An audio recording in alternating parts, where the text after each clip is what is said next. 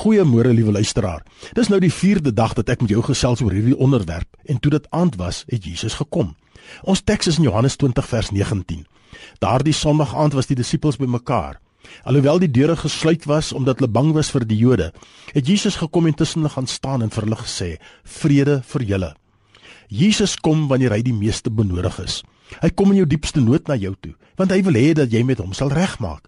God het die groot nood van die wêreld raak gesien en besluit om sy seun Jesus Christus na Bethlehem te stuur. Die Vader het vooraf vir sy seun vertel wat hom hom wag. Nogtans stuur hy sy seun. Jesus het ook geweet wat op hom wag. Nogtans kom hy na hierdie aarde toe en God kom word mens in 'n nederige krib in Bethlehem. Hy, die koning van die heelal, is bereid om van alles afstand te doen om die mens in sy verlore toestand te kom help. Hy het ook gekom vir jou en vir my. Jesus het ook gekom na Golgotha. Daardie klein babietjie het 'n man geword en sonder om te te stribbel is hy na Golgotha waar hy gekruisig is.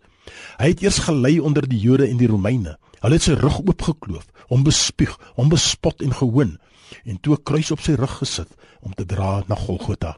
Soos 'n misdadiger is hy behandel ter wille van jou en my.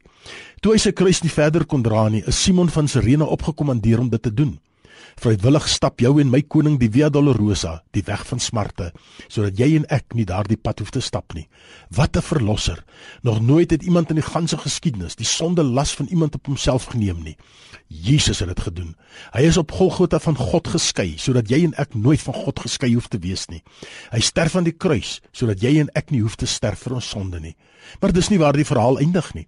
Op die Sondag kom Jesus uit die graf. Toe die vroue hom wou gaan balsem die Sondagoggend, was die graf leeg en dit is waarop ons kan staan.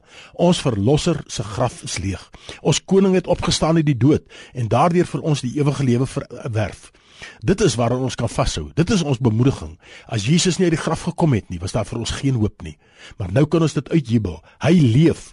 In die tyd van na sy opstanding kom hy na sy disippels toe om aan hulle te toon dat dit wat in die Ou Testament oor hom geprofeteer is, die waarheid was. Ons lam is vir ons geslag. En 40 dae na sy opstanding gebeur die volgende wonderwerk. Hy vaar op na die hemel. Hy is die enigste persoon in die hemel met 'n verheerlikte liggaam. Jesus het tydens sy aardse bediening mense uit die dood opgewek, maar hulle het weer gesterf en is begrawe. Slegs hy kon uit die dood opstaan, die dood oorwin en met 'n verheerlikte liggaam die hemel binnegaan. Sê my, het jy hom al toegelaat in jou lewe? Het jy hom al koning van jou lewe gemaak? Het jy al gesê kom Here Jesus ook in en vir my? Here, dankie dat ek die voorreg mag geniet om in U in my lewe in te nooi. Dankie vir die versekering dat as ek die dag my oop aarde sluit, dat U kom om my te haal. Amen.